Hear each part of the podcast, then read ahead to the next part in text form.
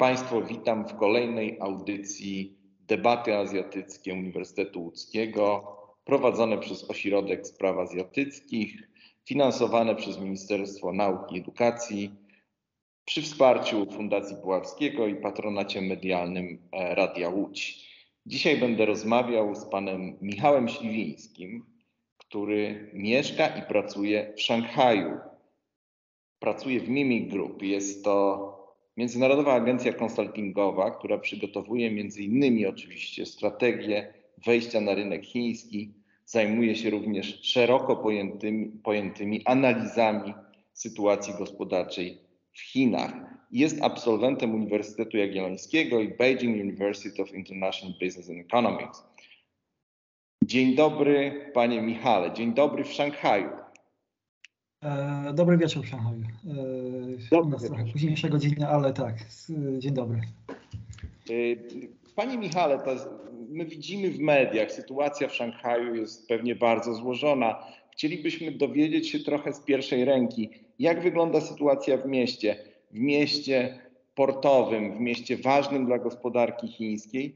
Z jednej strony chcielibyśmy usłyszeć, jak wygląda sytuacja w mieście, a potem trochę porozmawiać na temat jak wygląda to w Pana okolicy, jak wygląda to w różnych dzielnicach, jak wygląda to na przykład na skrzyżowaniu Chifeng Road, z tego co pamiętam, chyba i Dongdaciao, nie pamiętam.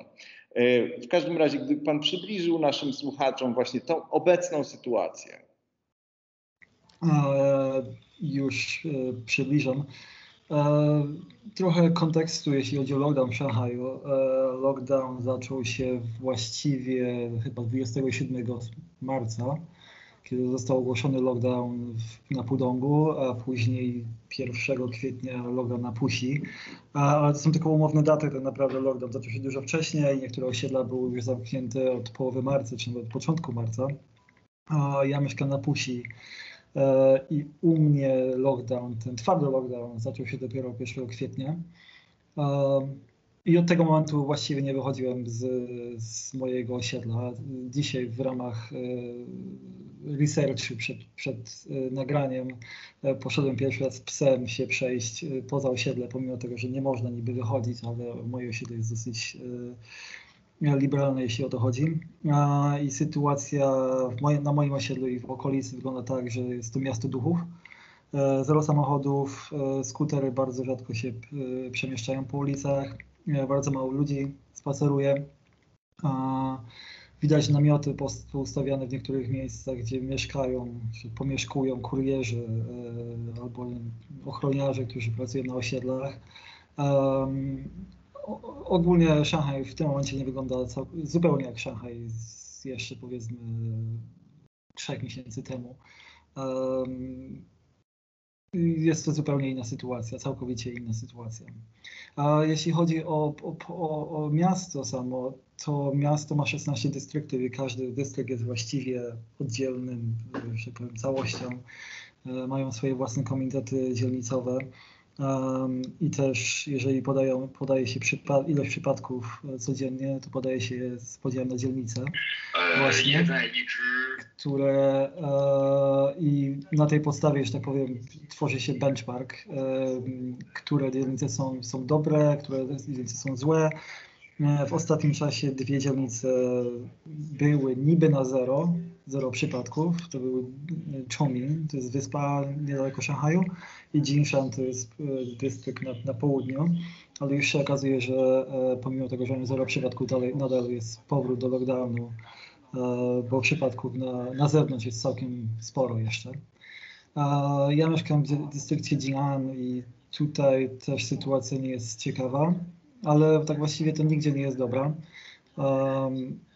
Od chyba tygodnia jest podział osiedli na trzy kategorie. Jedna kategoria to taka, która jest pod taką, nazwijmy to, kontrolą lekką. Ludzie mogą normalnie wychodzić z osiedli, mogą się przemieszczać, natomiast nie powinni się przemieszczać poza mm, kwartał, który jest ograniczony ulicą, to jest jakiś administracyjny podział tutaj w Szanghaju.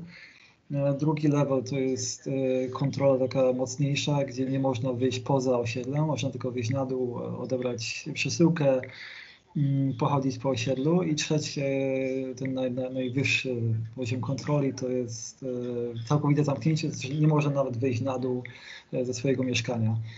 Moje osiedle jest osiedlem z największym, w tym najwyższym poziomie kontroli, natomiast jak wiadomo, wszystko zależy od ludzi na samym dole, jak do tego podchodzą i u nas administracja jest dosyć liberalna e, i właściwie od samego początku można było wyjść na dół.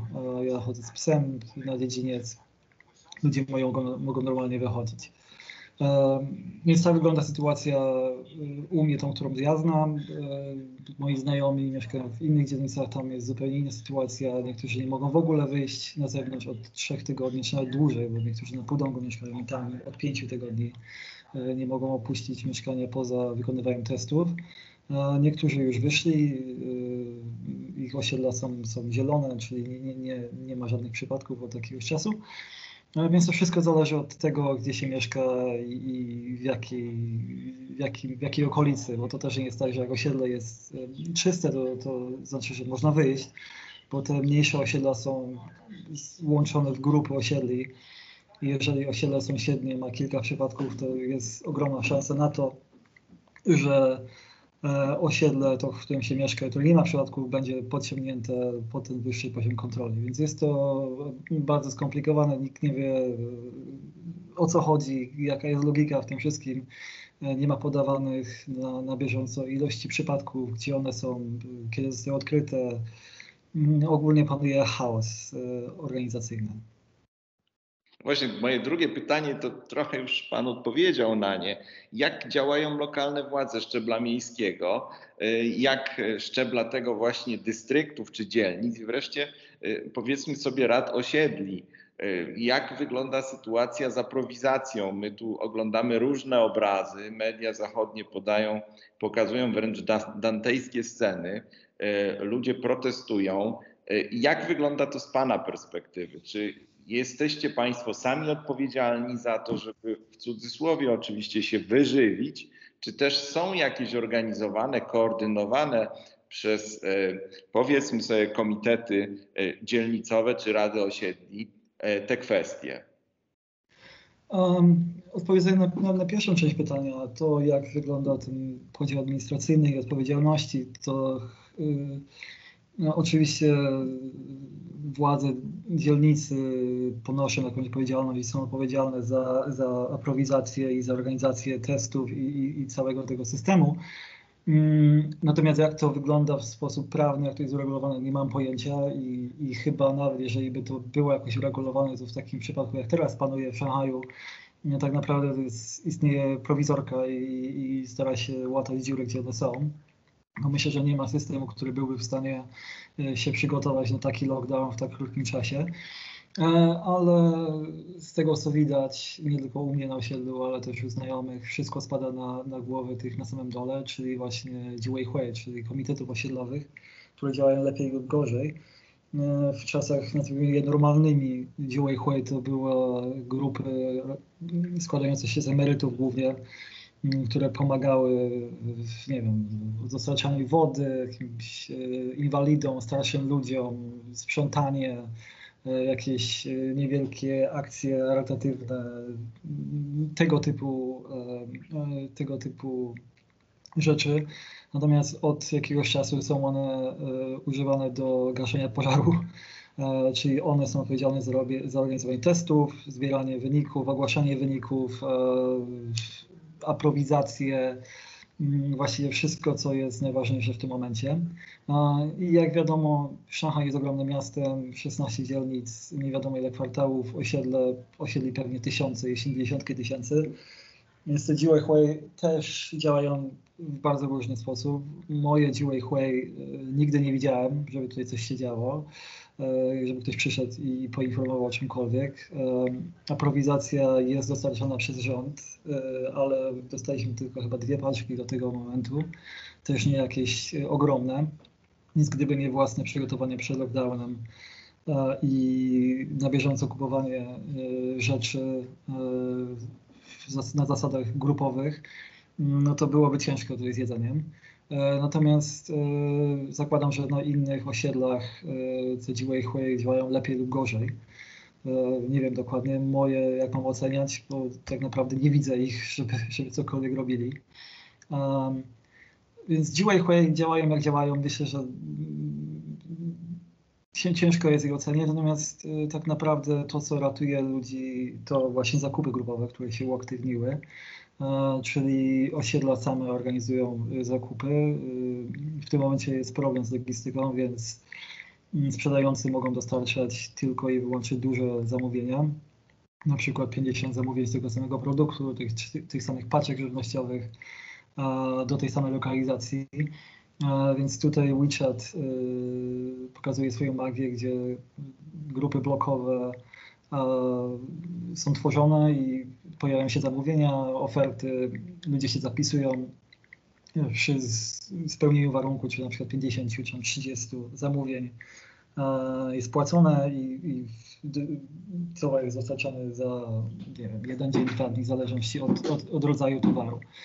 E, więc w przypadku, jeśli by tego nie było, no to naprawdę ciężko sobie wyobrazić, żeby e, aprowizacja działała w jakikolwiek sposób, e, bo jednak 25 milionów ludzi mieszkających w mieście, które nie produkuje prawie żadnej żywności tak naprawdę, które wszystko sprowadza z, z innych prowincji czy z zagranicy, nie byłoby zupełnie możliwe, szczególnie w przypadku, jeśli tak jak ktoś jest obecnie kiedy odcięte są autostrady do, do Szanghaju, są one blokowane.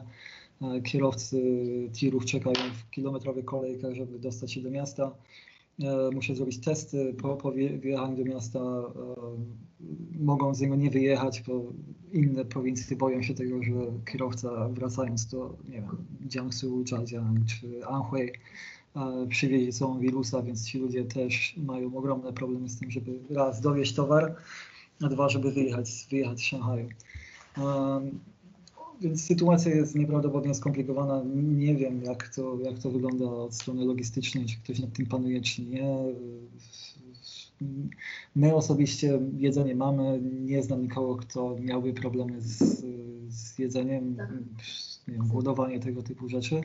Natomiast nie, nie mam wątpliwości, że w, w niektórych osiedlach, szczególnie małych osiedlach, gdzie nie ma takiej ilości ludzi, do składania zamówień, których, które ktoś mógłby dowieść, miałoby to jakiś sens finansowy dla, dla, dla firmy sprzedającej. Nie mam najmniejszej wątpliwości, że mm, tam ludzie mają naprawdę ciężki czas. E, szczególnie gdzie starsi, wykluczeni cyfrowo, którzy nie potrafią obsługiwać się telefonami komórkowymi, czatem, e, może nie mają płatności internetowych. Więc jeżeli oni są staną pozbawieni pomocy jakiejkolwiek ze strony właśnie Jiwei Hui czy sąsiadów, e, no to tam, tam sytuacja jest, e, zakładam, nieciekawa. Nie wiem jaki to byłby procent całe, całego, e, całego miasta, no ale zakładając nawet 1%, no to będzie to kilka, kilka tysięcy ludzi.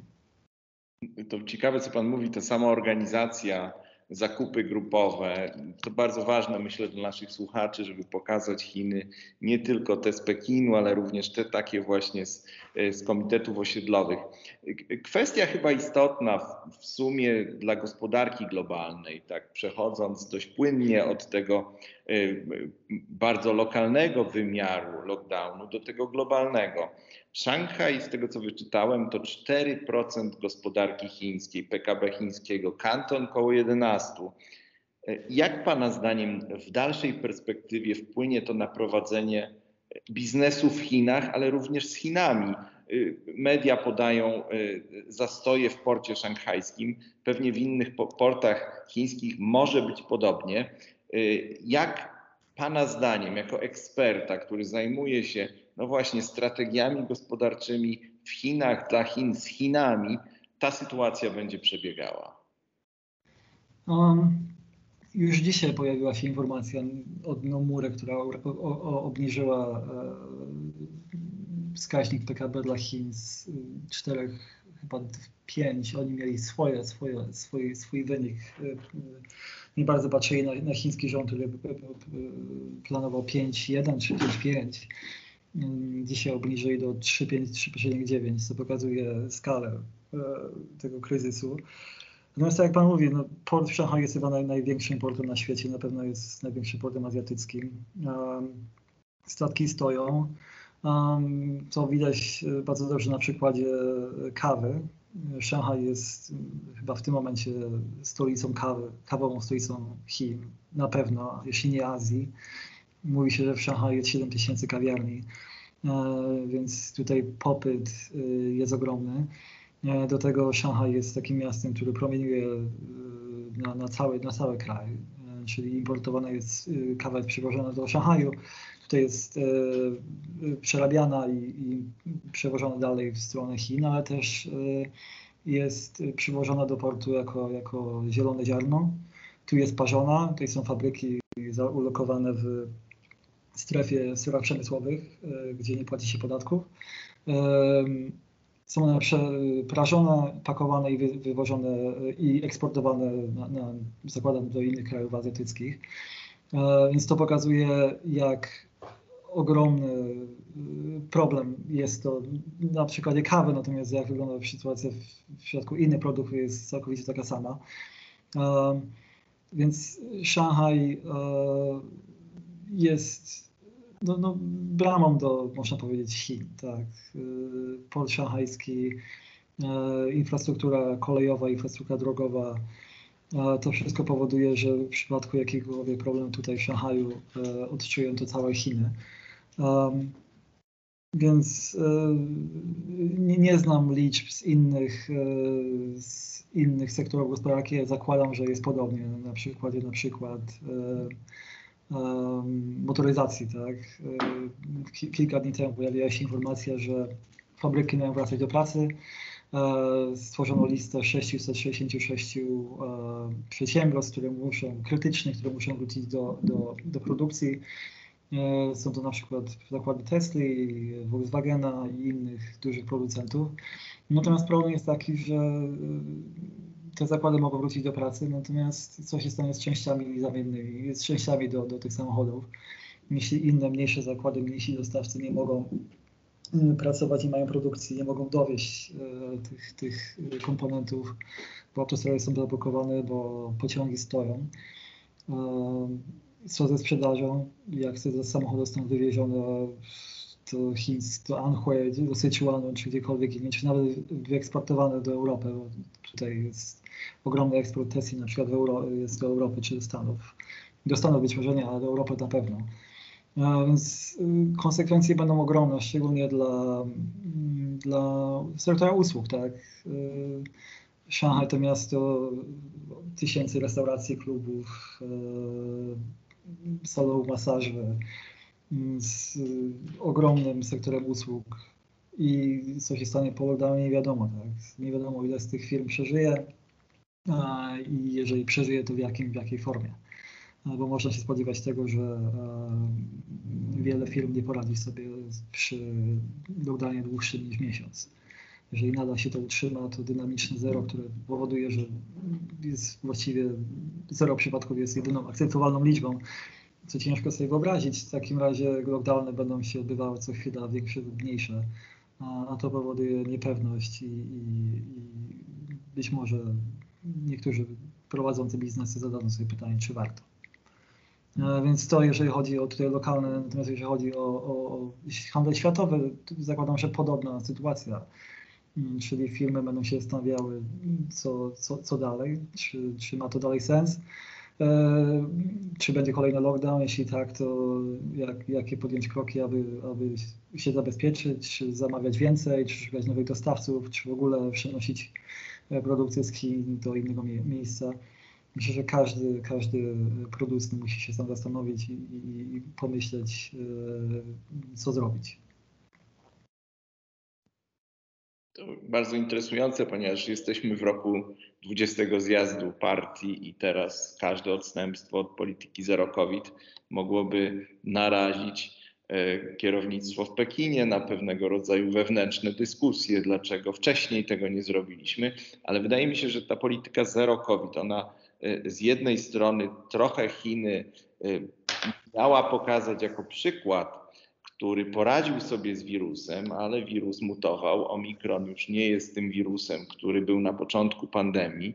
E, I, I, ta polityka, tak jak pan mówi, zero, no nie da się zero. Czytałem, że ostatnio Dzilin ogłosił, że udało się wygrać z wirusem, ale też wskazuje jakieś przypadki, ale już nie klasyfikuje tego jako wirusa, więc w ten sposób władze lokalne być może kreatywnie przedstawią takie dane w Pekinie, że faktycznie w niektórych miejscach w Chinach uda się osiągnąć zero COVID, a inne wirusy będą mogły szaleć.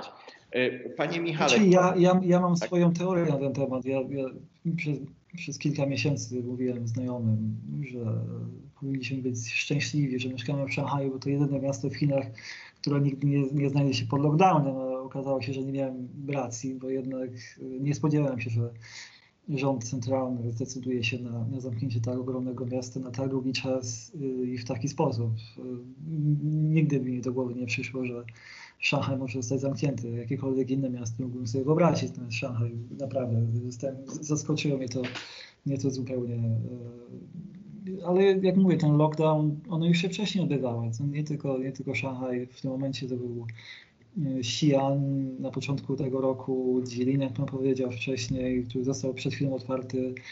W zeszłym roku był Reili, na południe w Yunanie było Zhengzhou w zeszłym roku, więc nawet nie, nie wiemy o tych wszystkich miastach, które są zamknięte, których nigdy nie słyszeliśmy, mimo tego, że mają 500 tysięcy mieszkańców, milion mieszkańców, a tam władze się nie patyczkują przy jednym przypadku, zamykają całe miasto i zaczyna się testowanie. Więc y, naprawdę ciężko, ciężko im powiedzieć, jaki jest plan tych władz co do, co, do, co do liczby, jaka jest akceptowana, czy będzie 10 przypadków, 50, 100. No naprawdę ciężko powiedzieć, tym bardziej, że już wcześniej nie było łatwo, jak zamykano osiedla przy jednym przypadku na przykład, albo przy dwóch i, i ludzie siedzieli w domach przez dwa tygodnie i robili testy. Jeżeli to, to zero COVID ma wyglądać tak jak wcześniej, no to też y, ciężko sobie wyobrazić powrót, bo nie zna się dnia ani, ani godziny. Się dzisiaj do pracy, wraca się, jeśli nie wychodzi przez dwa tygodnie. Tak, tak, tak, tak to wyglądało wcześniej i tak może wyglądać to w tym momencie. Więc tutaj ten, ten, COVID, ten lockdown twardy y, być może ma, ma, ma jakiś sens, natomiast otwarcie nagłe przy dalej kilku tysiącach przypadków y, i bez, bez kontroli późniejszej, myślę, że to jest, y, nie ma żadnego sensu, zmarnowany czas. Więc nie, nie wiem, jaka jest strategia wyjścia z tego. E, no tak, z, pewnością, z pewnością nie będzie to łatwe, bo Pekin musi zachować twarz, e, a władze lokalne muszą się wykazywać tym, że realizują te guidelinesy czy te dyrektywy, które przychodzą z centrali. Szalenie to ciekawe. Szanowni Państwo, rozmawialiśmy z panem Michałem Śliwińskim, który mieszka w Szanghaju.